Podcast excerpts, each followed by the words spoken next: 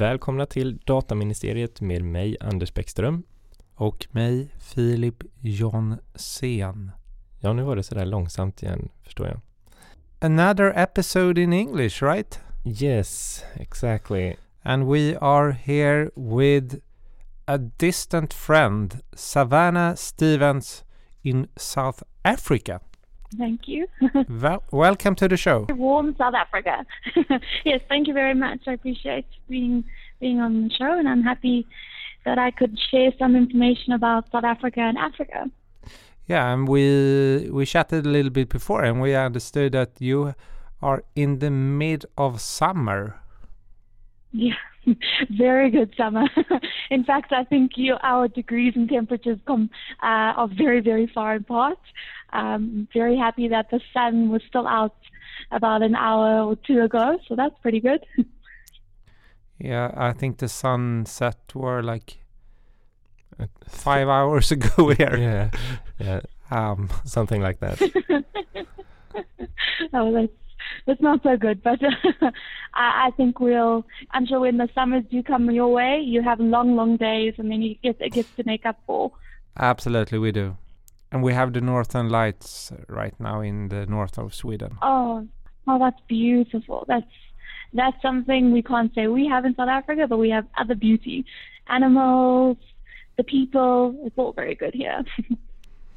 that sounds brilliant. Um, so let's kick off like uh, with the legal discussion. Of course, you are um, an associate in the law firm, the global law firm, DLA Piper, and I'm I'm just gonna say something about uh, the Swedish uh, office, uh, and uh, there's like we had previous guest with um, what a, a duo um, Yeah. known as Johan och Johan in Sweden. They are quite famous here, privacy lawyers. Yeah, it's it's hard to uh, resemble them with anything. I Yeah, can't come up with an old couple. yeah, something like that. That most of the Swedish uh, companies know about. Yeah. Strange. So, uh, what's cooking in South Africa when it comes to data privacy? Um, so I think to start off, we have a legislation that came into force um, in part uh, in on the 20, 2013. So, um, unfortunately, the act hasn't come into effect in its entirety. So we've been waiting quite a long time for, for implementation of the act. And lots of companies and businesses and a lot of our clients are you know, anticipating the act to come into force and are making, um, you know, making headway in, in making sure their businesses comply. The difficulty is with this, um, you know, an unknown date um, looming where we're in a very difficult position. And I think some companies are also just losing steam um, because you're almost just waiting for um, a date that's probably not coming coming to pass. But I I'm very hopeful uh, with my engagements with the information regulator um, through some meetings very recently. Um, we're very hopeful that the act will come into force very soon, um, as early maybe as next year. Um, there's been some difficulties um, in appointments of the members to the Information Regulatory Board. That's what I recall. That it that it took a very long time for the authority to be established. Yeah, yeah. Uh, it's it's a it's a thing that I think happens a lot in South Africa is that um, the acts do come into force and we have some really great legislation, but the implementation is held back because there's very little support from government in the funding perspective. Um, so you have a lot of the acts come into force, but no real implementation because there's no body to enforce it. So they'll hold back the act until that that comes into force or until that um, regulator is established. So I, I'm very hopeful because they have received some additional funding from, from the government um, for the department. So they are linked to the Department of Justice in, in South Africa. And with that additional funding, um, I do believe that they, they'll be able to appoint the members um, of the board. The difficulty in South Africa, I feel, and I think it might be a, a problem that I see a lot in Africa is you have very little experts in data protection who are willing to either go full time or in go into a non-executive role uh, where they uh, they provide part-time services. So that that also is a difficulty to to find those those members of the public or these experts who are willing to participate in the regulatory board um, with very limited funding to to you know to to reimburse them for their time. So it's a it's, it's a bit of a tug of war that we see, but I am very hopeful and. Uh, like I say, my last with information regulator, it seems that they're making quite a lot of headway um, in in this in this regard. And actually, very recently, as little as I think it was beginning of November, so it was the 6th of November, um, they had published information regulator had published a set of guidelines for issuing a code of conduct under the Act, um, which is basically an industry body code of conduct which allows you to be exempt from certain provisions of the regulations, um, which is quite helpful. And, and in most of my engagements with clients, especially in the insurance sector, um, where they deal with a lot of personal information, uh, they're also looking to try apply for these exemptions through the code of conduct. Um, and it seems to be a good thing that the regulators issued these um, guidelines now um, so that they could all prepare themselves so when the act comes into force, they already have um, those code of conducts and industry bodies um, in an association or an organization set up uh, for purposes of, of getting those code of conducts approved um, and for those exemptions to apply. So, so it, there's some good activity, but you know, it's a bit of a, like I say, it's, some people are actively engaging with the regulations and some people are um, you know, decided that because there's no, there's no, there's no real activity or implementation date yet, um, they kind of just wait and see uh, approach. So this, uh, so if an um, industry sector do um, decide on a code of conduct, you are actually they it takes over parts of the regulation, or how does it work? Uh, so certain exemptions, so you basically apply for certain exemptions from the Act for a certain require, like over onerous requirements.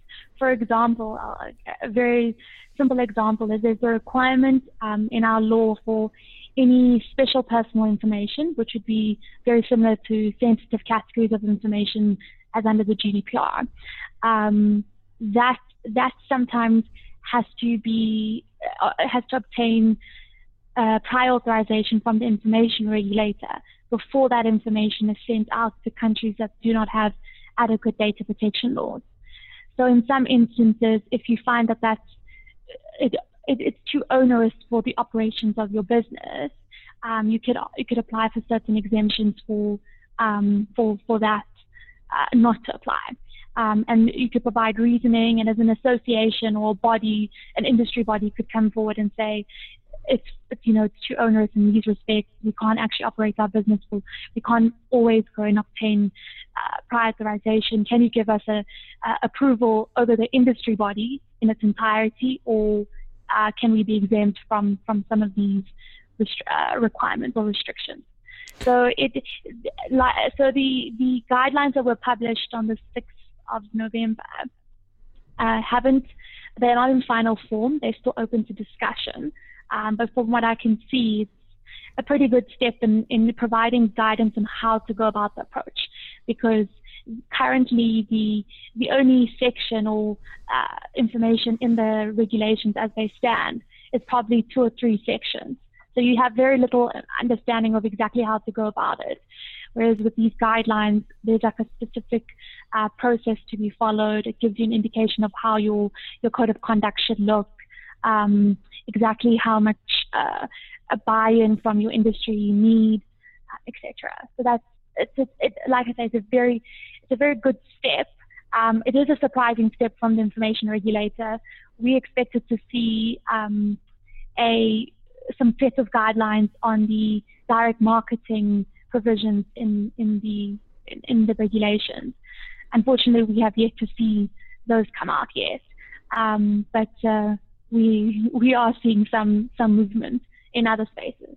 And I guess it's just dependent on how much engagement you make with the information regulator and her response uh, or you know to to that engagement because it seems that she's more resp- she takes a responsive approach rather than a uh, you know um, wait she she doesn't take a preventative uh, approach she's very almost reactive to whatever the public has said um, that they are concerned about with regards to to, to data protection um, and that's very prevalent I've seen in in the data breaches sector um, in South Africa. And this is quite a peculiarity that we always try to advise most of our clients um, who have suffered data breaches globally and has you know an impact in South Africa.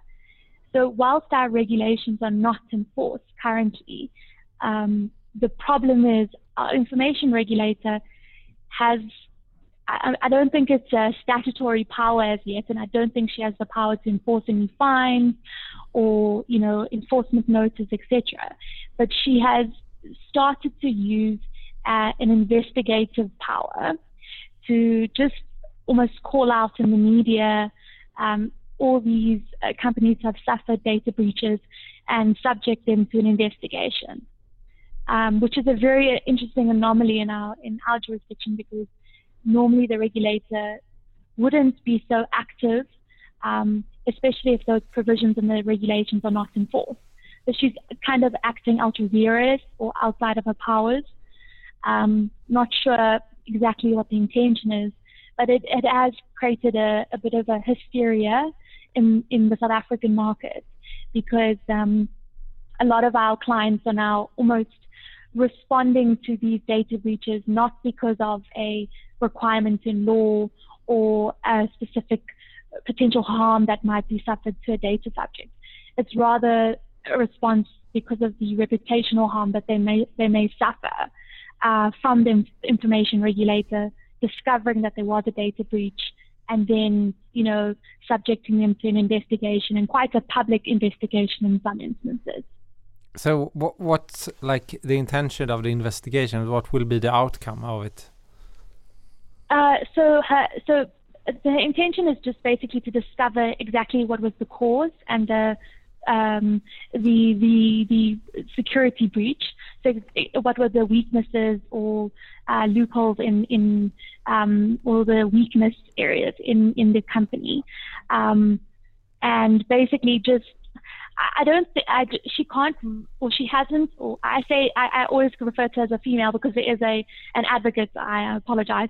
Uh, it's an advocate who's been appointed as the head of the body. So I've we've engaged with her personally. So I refer to as a woman, but I think her she can chair her her position isn't um, set. Um, but the, the the difficulty with with her is that she she it's not it's not a binding ruling as a res- as a result of the investigation she just wants to make um, your businesses and companies more aware that uh, if there are data breaches, that there's an obligation to notify her and to notify the data subjects so that they can take steps to prevent harm towards themselves. So, so, so like I say, she's she's almost acting ultra vires because that's the requirements in the, the current regulations. If you suffer a data, if if there has been a a reasonable suspicion of unauthorized access to information um, of a data subject, there's a requirement to notify the, re- the regulator as well as the data subject when the data subject can be identified. So she's acting as if the regulations are enforced and, you know, subjecting people to these investigations, not necessarily uh, providing a, a fine or enforcement notice, etc., but rather just just like the, the first step in in her power in that she just subjects them to this investigation. But the problem is it's the reputational harm the company suffer um, because she it's quite a public display. Um, there's quite a few uh, newspaper articles and online websites that have published her response um, she she has actually issued notices on on the website on her website, so the information regulators website, and as a result of of that, the media has been uh, you know copied that that notice and has written a whole article and slandered sometimes the name of the the companies. Um, so that creates quite a little bit of hysteria amongst the data subjects as well as the, the, the companies as well, who are acting, who, who are basically report, responding to these data breaches and reporting this, this information to her to prevent um, them, you know, subject being subject to a public investigation. Okay, and and if you compare, I guess you studied GDPR a little. Yeah. So there are obligations to report uh, um, incidents or breaches, personal data breaches, to the authorities uh, in EU as well, and uh, in in the worst case, even to the data subjects. But uh, did I understand you correctly that you are always obliged to notify both authority and the data subject? That's correct. So. Um, if I if I take if I give you a comparison between the GDPR and South African data protection laws, um, you where you would only notify the data subject uh, where there will be a high risk of harm to the data subject under the GDPR. The requirement under South African law is that you have to notify the data subject if there is a reasonable suspicion that their information has been unauthorized, accessed by an authorized unauthorized person. Um, and if that data subject can be identified from that information. So if, if it's if it's a, a whole lot of information that's in an aggregated form that's um, some somehow de, like anonymized where you can't really trace back the individual, then then we wouldn't advise um, notifying the data subject. But if if from a plain reading of all the information together that's been breached, if you can identify the data subject, you have to then report that, to that data subject so that that data subject has the ability to take steps to prevent the harm. And then for the requirements for the regulator, um, it's the same in that uh, you have to always notify the information regulator. There isn't a threshold, isn't a, isn't a specific criteria when you notify. It just says you should notify the information regulator and this obviously differs for for the uh, under the GDPR. Um, ha- having said that, I do think once the act uh, comes into force in the near future, I do believe that once the information regulator receives like an an enormous amount of, of, of notifications over time, they will amend the regulations to put a specific threshold and criteria in. Um, we've spoken to the information regulator, um, or, uh, members of the information regulator about this, and and uh, the the feeling has not. Uh, they they they sympathise with, with with our comments in this regard, but um, um, I don't think we have uh, received um, you know an, an exact confirmation that this would happen in the future. But I think you know, com- commercially speaking, I think over time it's it's just going to be too much of a task for, for the information regulators to to take on, and they will definitely have to then make an amendment um, to to the current regulations. Uh, it's going to be too much of a burden for them to take on. But uh, just so I understand correctly, the the regulator, um, I hope, is not only one person. Oh, so oh yes, so so she's a she has a mem uh, members of I think it's if I'm not mistaken it's about eight people, executive and non-executive members of the information regulatory body. But the head of the information regulator um, is an is an advocate advocate uh, Pansy Tlakula. Yeah, but uh, the there's no office like desk officers actually investigating the cases. Uh, so so that that's we haven't heard about um, any other staff beyond these non-executive and executive appointments. We understand that they have now uh, obtained their own premises and they are starting to you know establish the the mechanics and the operational staff. Um, but we haven't, uh, you know, we haven't got any further information about that as yet. But ideally, we would say that this would be a form of an automated process um, so that you wouldn't have, you know, a few people having to deal with you know, the executive members or non-executive members dealing with these notifications.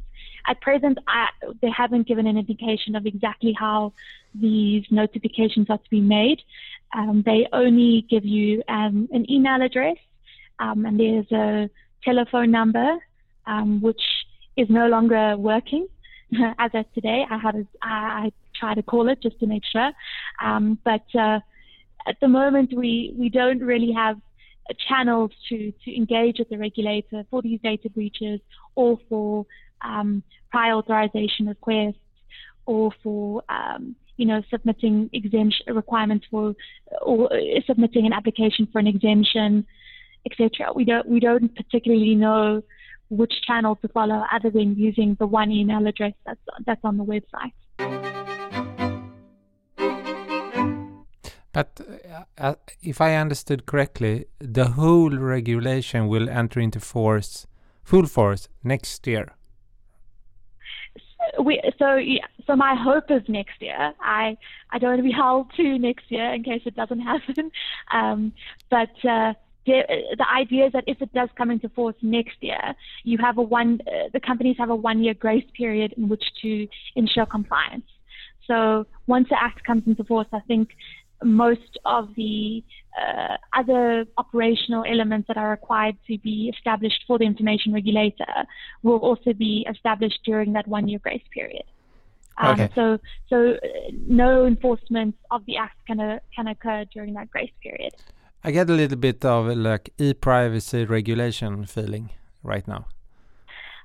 Uh, so we haven't got any e-privacy regulations currently. Um, the only regulations um, that have been, uh, it's a bill, it's not particularly a regulation that's been issued yet, but that relates more to security, cybersecurity, um, and that has been amended several times, and I think it's going to undergo um, a huge change um, within the near future.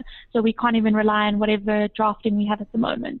Uh, that, that's what I meant with uh, the e-privacy feeling that they constantly amending it, and all of a sudden they last just abolished the whole draft. Correct. I, I, I did. So I've been following. Um, I've been following the the e-privacy regulations in GDPR and under the European Union. I've seen how um, it's gone from a finalized draft and then it got completely overturned. And um, so I, I think it, it, the same element is is is apparent in South Africa, but for different reasons. I think the challenge in Africa and South Africa is that the the concern for governments at present is that before we start regulating for cybersecurity threats, for e-privacy, we need to start. We need to first give access and internet access to most of the population.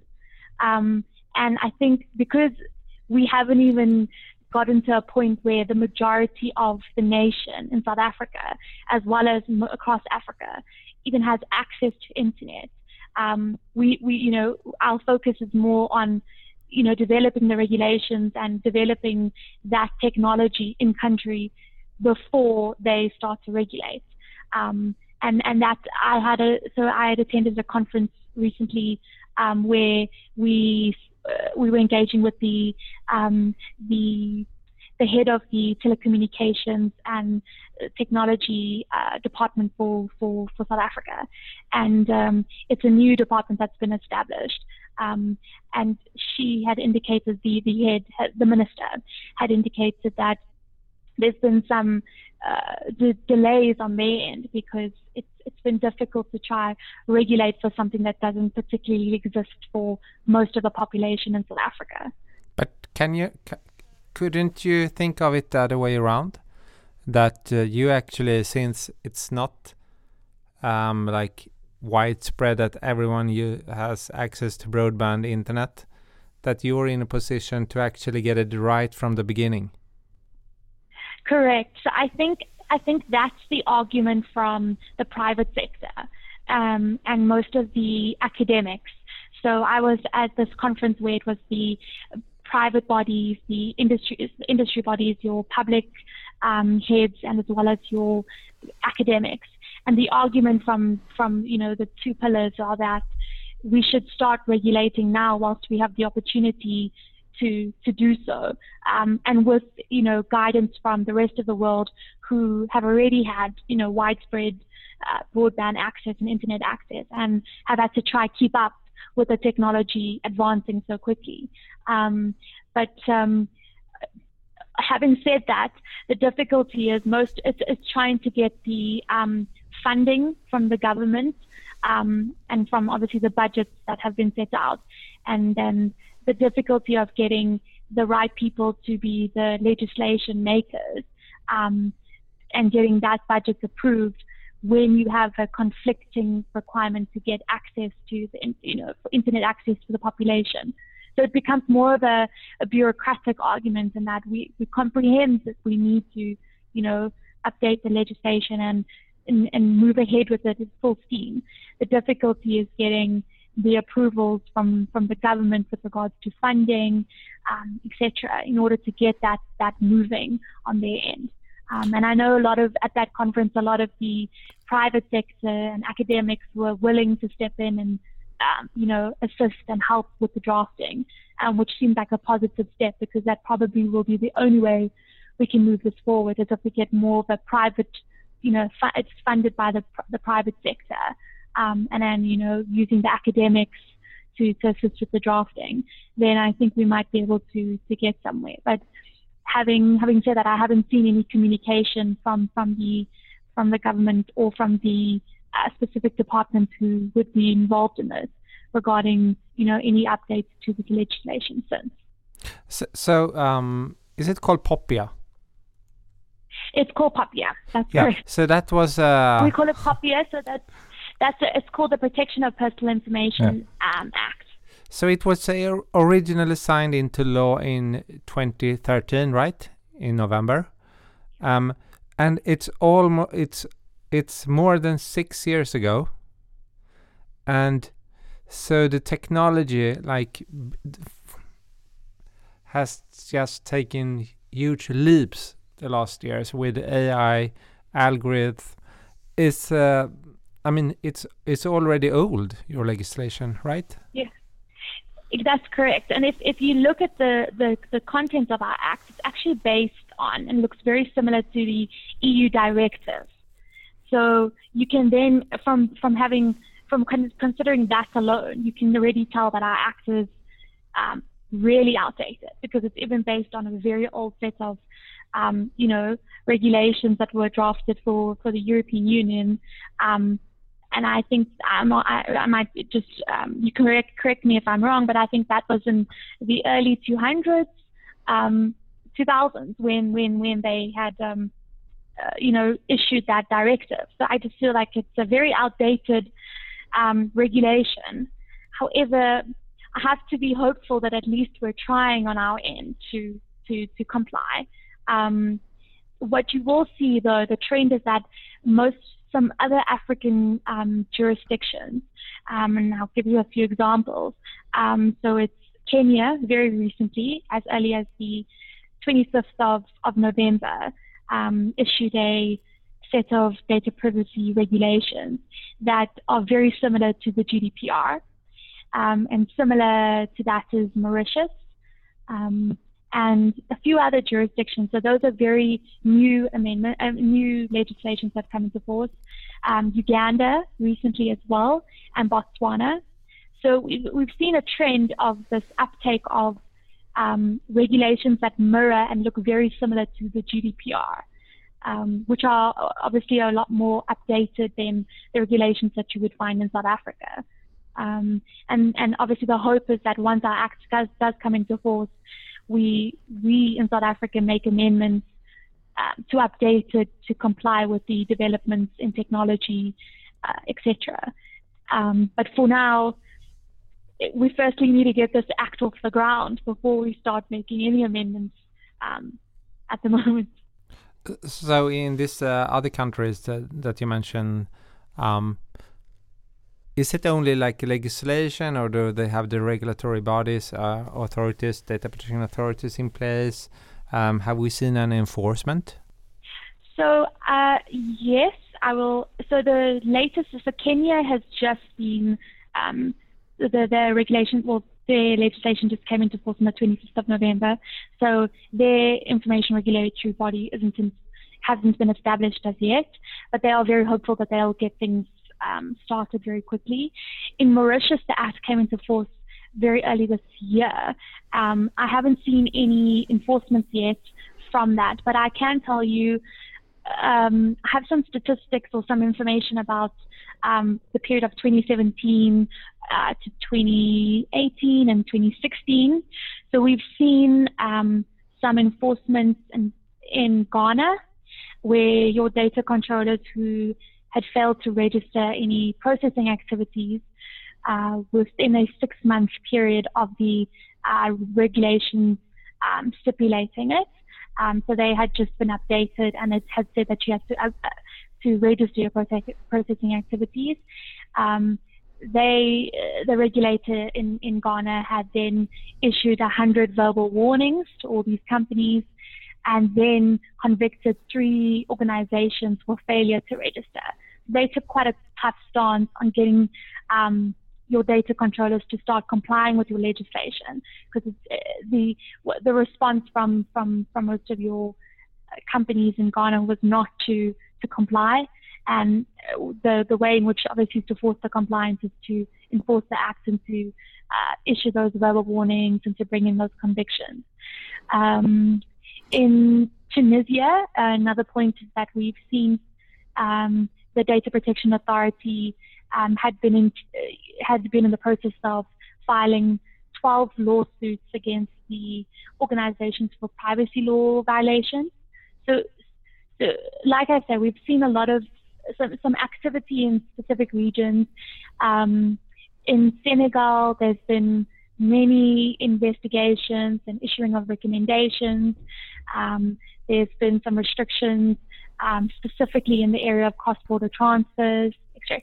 You've seen uh, and uh, not a lot of um, fines being issued uh, across across Africa, but rather enforcement in the way of just issuing verbal warnings or getting people to to or businesses to start complying, um, and and you know subjecting a lot of your businesses to investigation. Um, and then again, obviously, I've spoken about how South Africa has been our information regulators just been active without you know some powers to do so. So, so I mean, we've seen globally like a wave of GDPR-ish laws um, and you mentioned uh, a few in um, Africa, Botswana, Ghana, Uganda, and so on. Um, mm-hmm. Is it what's the perception in general of the right to privacy? Um, I mean, in Europe, we have this concept of you um, be, that privacy is part of the human rights, and that's where we derive all of the, these legislations from. Um, that is obviously not the case, for instance, in the US. So, are you more similar to Europe or us, or to US, or are you a third path? An outlier. Yeah. No, so I think we're very similar to to, to Europe, um, and I would say that across across Africa. So, having looked at Africa as a region and looked at how many um, regulations have been enforced uh, with, res- with respect to data privacy, and I'm not specifically meaning, uh, you know, data protection laws in its entirety. What I've seen a trend is that even though there's no particular data protection law, you see the right to privacy being entrenched in most of these regions. Um, and, and, like I, and that's very similar to Europe, and it's it's the same for South Africa. Um, the right to privacy uh, well, our information, regu- our Data Protection Act is based on the right to privacy uh, in our constitution. Um, so, so I think it, it it does all derive from this right of privacy, and I think it's it's enforced. So, irrespective of our of our act not being enforced currently, um, you have seen a lot of activity of members of the public bringing actions against um, other companies or surveillance companies that are putting up cameras on public streets, etc.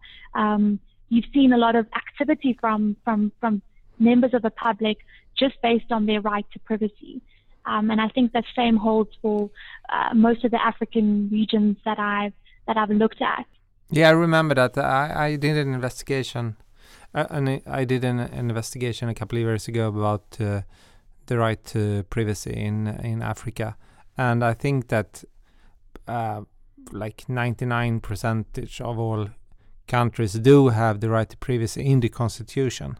Yeah. Uh, but not as a.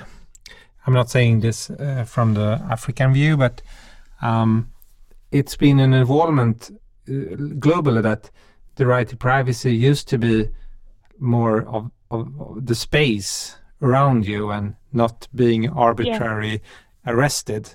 And now we said like no, but also data protection and the data about you is uh, part of it. Yes. Yeah. Is no, that similar in Africa? Yeah. So I think I think it it varies between different uh, countries. So depending on on the type of data, you see a focus on on this right to privacy in the space of you know beyond just you know your interpersonal space or somebody looking in through your window, etc. You've seen this right to privacy extend to the type of data. Um, you know, and I and I, I, I agree with you on your your your comment that you know most of these um, to privacy are obviously just based on this you know, not infringing your personal space or your private spaces. But uh, for example, a trend we've seen in Nigeria is that whilst they don't have data protection laws, um, they've got regulations regarding telecommunication data, and they see that as a very um, it's a resource for the Nigerian government, but specifically the subscribers' information and information um, about your data subjects uh, that they that a bank holds. Um, it also is subject to specific requirements and stringent requirements on the restriction of transfer outside of that region. So you do see uh, in pockets um, some some focus on on you know the the concept of right to privacy in respect to types of data. Um, but but I, I tend to agree with you on the fact that generally across across Africa, this concept of the right to privacy in, in the context of data protection um, of your personal information and, and that being a resource um, is not a, a well-known concept um, across most of the regions. It, it's starting to pick up, but I would say more the sophisticated regions across Africa. So, Savannah, would you say that the um, privacy or the right to privacy is an important thing to the common man in South Africa or woman? Um, do the common do, do the common man uh, understand uh, or really cares about privacy? I I I have to, uh, as a data protection lawyer, I always hate to admit this, but I would say no. I think the common man is not even aware that they particularly have these rights drafted in law, and they don't see it as an infringement um, that you know their their personal information is being used, um, etc. I think for them, uh, or for most of for most of your public, it's it's the infringement of your right to privacy of your space. Um, it's it's it's very difficult to convince um, members of the public that this is their rights and this is you know uh, something that they can enforce or implement against um, companies. Um, but my hope is that it takes one or two uh, organizations in in South Africa. So you have a specific uh, nonprofit organization called the Right to Know, and they have tried to, you know, group together members of the public to to to have a voice on this topic and to respond to certain companies who they believe are infringing uh, the data protection rights of individuals. Um, and that's slowly starting to to create some awareness around the public about their, their rights to privacy. But it, it is a, it's a it's a I think the focus is not particularly on the right to privacy in respect of your data, like you know your personal data. Um, that's not it's not a well-known right that people try and force at all. So uh, then I have a small follow-up question. Um, sure. Is uh, people aware of G- G- GDPR? Yes, and, and and it's strange enough that they most of the public are more aware of the GDPR than they are about POPIA, and I think the reason for that is because um, a lot of people have access to so a lot of the the members of the public who use websites and uh, you know access applications or whatever it is they engage with on like subscriptions, etc. You know, when the GDPR came into force, everybody got spammed with those, you know, updates to to the privacy policies for compliance with the GDPR, and it created like a an awareness in the public for like a layman to then see an update in, in terms of the GDPR and think, what is this about and why do I need to even accept this, etc. So it seems to, and it, it seems more of a worry for our clients as well. So most of the questions we receive from clients have actually been more centered around a comparison between POPIA and GDPR and a focus on does GDPR even apply? Does it apply to me? We were very worried, does it apply? Um, not worrying about the fact that we have a legislation in South Africa, you know, that might not be enforced, that is looming. Um, the focus seems to be let's try comply with GDPR or let's ask the questions and get the opinions on GDPR as a start um, before we start looking at the local legislation.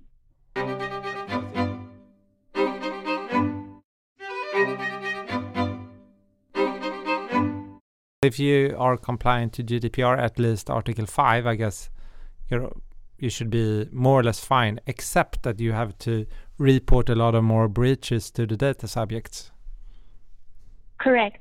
So there are some. Um, so we have um, looked at, you know, comparison line by line between the GDPR and POPIA, and we have picked up instances where uh, POPIA is a little bit more stringent, and like you say, that's on the data breaches requirement because the threshold for what a data breach is is much lower than what it is under the GDPR.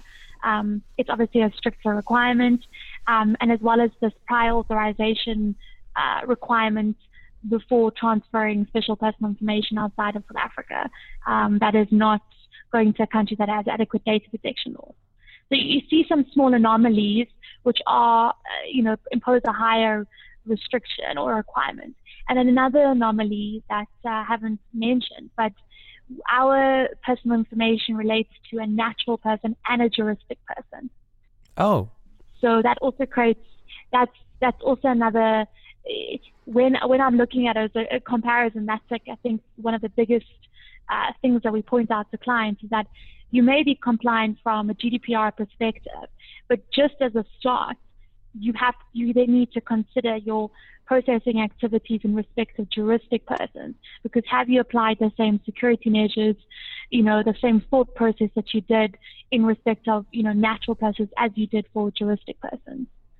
Um, and that to me makes i mean in my opinion um, our legislation a bit more stringent for that specific reason that our definition of personal information is a lot broader for the type of people you know, for the type of person it captures.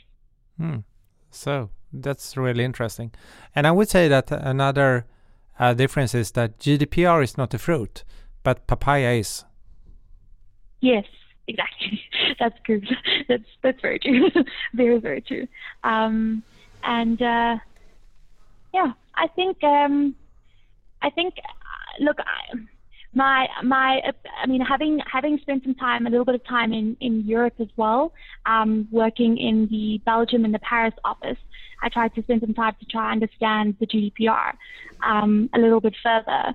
I I do believe that I mean our legislation is a pretty good draft and it has a way of, ways a way of getting amended for compliance with new updates. But I do think that ours does compete with another with other sets of regulations. And once we get to the point of you know adequacy decisions, etc., I think more and more African jurisdictions, as well as like South Africa, will be potentially included in those you know adequacy decisions.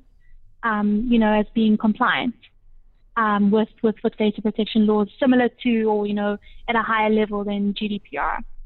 Yeah, we really hope so. I mean, we should be a huge family of uh, adequate adequate data protection uh, laws family. Yeah, no, that's exactly it. And I, and I know that uh, Morocco had made an application um, to the European Commission, I think it was in 2009, to be recognized as an, ade- you know, to get this adequacy recognition. But nothing, I don't think that we received a response as of today's date. But it takes a very long time. We saw Japan um, just recently, and it took uh, many years. Um, um, and this is a really, really interesting discussion, but I think uh, we need to wrap it up. Sure, no problem. it's so interesting to hear the African view of data privacy because we don't hear that much about it in, in Europe. We hear about the Europe and the US all the time uh, about um, things like Facebook, Google, Amazon, and yeah. their privacy practice. Perhaps Brazil uh, and their new legislation. Uh, yeah, but very interesting to hear what's cooking in South Africa and Africa and Africa in general. Sure, and it's now papaya. And just to note, just one thing before you know before we end is that um, I don't think people are aware about it, but a lot of our unions, so the African Union and certain bodies, um, your Eastern regions, your Francophone regions, have grouped together and drafted framework which can be then implemented as legislation in each country. Um, so there is a lot of you know coming together of the African regions regions acknowledging that there's a requirement to protect personal information.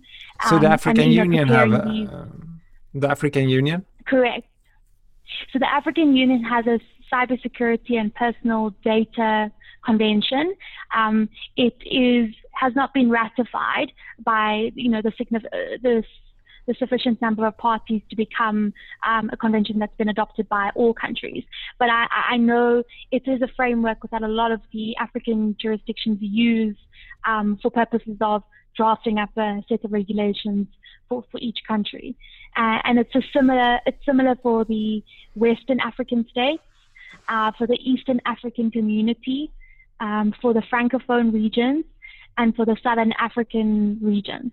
So each, you know, small region has its own framework or guideline or, you know, group of organization of people that um, have banded together to try to come up with a framework um, that if, you know, which also has an intention that if you, you know, issue regulations under those uh, frameworks, then you can permit a free flow of, of information between that, mm. you know, those those bodies. Which I think that's quite a nice development in, in, in the African regions, and that has been from early as 2008 um, and as late as now, I think it's 2014. Um, so there, there has been steps been taken. It's just the uptake from you know your African regions, and I mean, unfortunately, so a lot of things take a long time in Africa. we run on a very different time timeline to the rest of the country, I to the rest of the world. But um, at least we're, you know, just to note that there are these frameworks that have been, you know, prepared by by your body. Yeah. But it took four years to GDPR to be um, cited as well, from 2012 to 2016, and then we had Correct. two years of implementation time. So bear with us. Um, you will catch up Sure, absolutely. We'll definitely catch up. It'll be um, good to see us, uh, you know, on the same level play, level level playing field. Yeah, exactly. So thank you so much for this uh, chat about data privacy in South Africa and Africa. A little bit of history, a little bit of what's coming, what's cooking. Um, a big thank you from uh, us in uh, Data Ministeriet Yeah, thank you. Oh, it's not a problem. Thank you so much for having me on. I appreciate it. Ja, och det var Savanna. Spelar vi in nu? Vi spelar fortfarande in. Du ser lite trött ut. Jag är lite trött. Uh, När gick du upp i morse? Ja, det var väl mest att jag gick upp flera gånger liksom. Va? Uh, nej, men jag var uppe ett par gånger i natt. Varför det? Ja, för att planera. Förbereda. Eh, ja, eh, visst. Nej, men eh, det är ju sådär när man har småbarn. Eh, ibland. Mina barn är väldigt engagerade i dataministeriet. Är de det? Ja, de pratar mycket om det. Ja, de vet ju precis vad jag gör på tisdagskvällar. Mm. Ja, ja, men det tror jag att de vet hemma också. Eh, De vet vem Anders är. min äldsta säger alltid att han inte vill lyssna på dataministeriet. Eh, Är det på grund av mig eller dig? nej, jag vet inte. Ja. Och vi har ingen aning om när det här kommer sändas. Publiceras. Ja. Ja, nej det, det, är så mycket, det är så mycket december nu på något vis. Det är mycket december och vi, nu har vi ju lyckats med det som vi faktiskt vill lyckas med. Att vi har så att säga inspelade avsnitt i bakfickan. Mm. Att vi ligger lite före. Mm. Inte bara en vecka utan att vi liksom har sjukt bra avsnitt eh, som vi kan, vad sa du, publicera? Nej, Ja, jo men jag tror att det är publicerat. jag menar, det, det är fant- nu när det här sänds, nej, när det här publiceras, då, det kommer väl vara i januari? Eller, Jag vet inte riktigt hur vi ska göra med det men det eller kommer det vara julledigt? Ja, ja, vi får fundera på det där. Det blir jättekonstigt sen när folk lyssnar, att de kommer bli helt förvirrade runt tid. Ja, jag får klippa en del kanske. Ja, nej men eh, det är väldigt intressant i alla fall att höra på alla de här olika hur det, hur det ser ut i resten av världen. Eh, för precis som du sa att just Afrika är ju ingenting som hörs så mycket om tycker jag. Eh, I alla fall inte i mitt flöde men det kanske handlar om vilka jag har i flödet. Men, Nej, eh, jag, jag är lite... Jag kommer ihåg när jag var på ett annat jobb där vi fanns etablerade i flera länder i Afrika. att Jag tittade just på Afrika, och, men det var ju några år sedan. Och då var den här papaya-lagen, den fanns väl i sig. Mm. Men eh, det verkar ju också lite speciellt. Eller det kanske är just därför som det inte snackas så mycket om det. För att man har en lagstiftning som Ja, Nej, det var ju superintressant att höra hur deras dataskyddsmyndighet fungerar.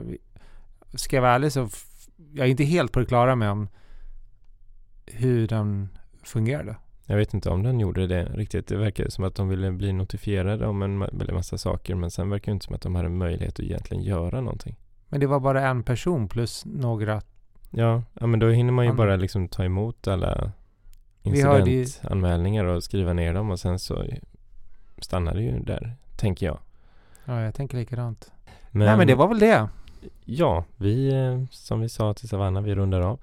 Eh, vi får tacka alla er som lyssnat för att ni lyssnat även denna gång.